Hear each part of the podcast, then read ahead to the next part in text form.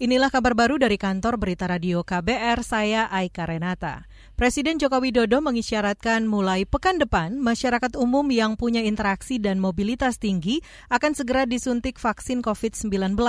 Jokowi juga menginstruksikan kepala daerah agar memprioritaskan vaksinasi kepada pelayan publik yang sehari-harinya harus melayani masyarakat secara langsung.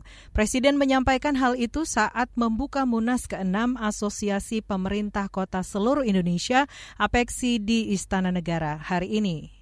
Masyarakat mungkin bisa dilakukan untuk yang interaksinya tinggi, mobilitasnya tinggi harus didahulukan. Misalnya pasar, misalnya di sektor-sektor jasa yang padat interaksi yang interaksinya tinggi, segera lakukan. Bukan orang per orang, karena kita ingin melakukan vaksinasi itu klaster, memagari, sehingga tercapai kekebalan komunal, tercapai herd immunity. Atau misalnya di kota ada mall, sudah karyawan di mal langsung, karena dia banyak sekali berhubungan dengan masyarakat. Presiden Jokowi juga memerintahkan para kepala daerah merencanakan secara detail manajemen vaksinasi di lapangan, termasuk mempersiapkan kecukupan vaksinator.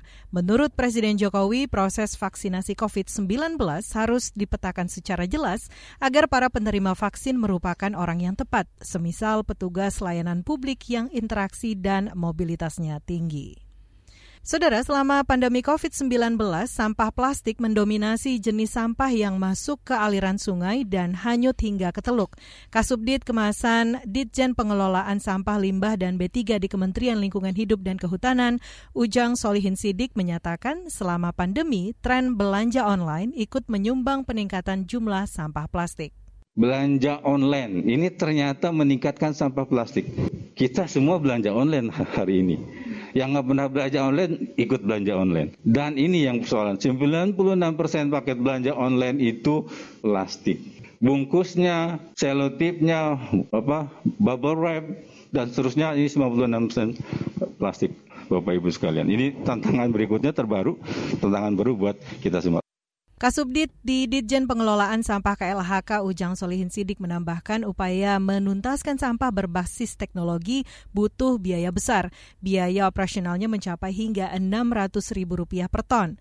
Kementerian Lingkungan Hidup dan Kehutanan menargetkan pengurangan sampah hingga 30 persen dan pengurangan sampah plastik ke laut 70 persen pada empat tahun mendatang.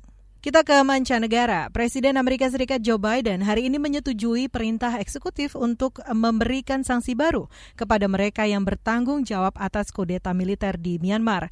Biden juga mengulangi tuntutannya agar para jenderal menyerahkan kekuasaan dan membebaskan para pemimpin sipil Myanmar yang masih ditahan.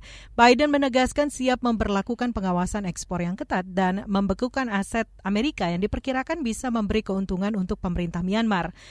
Pada awal Februari lalu, militer Myanmar mengambil alih kekuasaan secara paksa dari pemerintahan sipil. Hingga kini, saudara militer masih menahan penasehat negara Aung San Suu Kyi dan Presiden Myanmar Win Min. Demikian kabar baru dari kantor Berita Radio KBR, saya Aika Renata.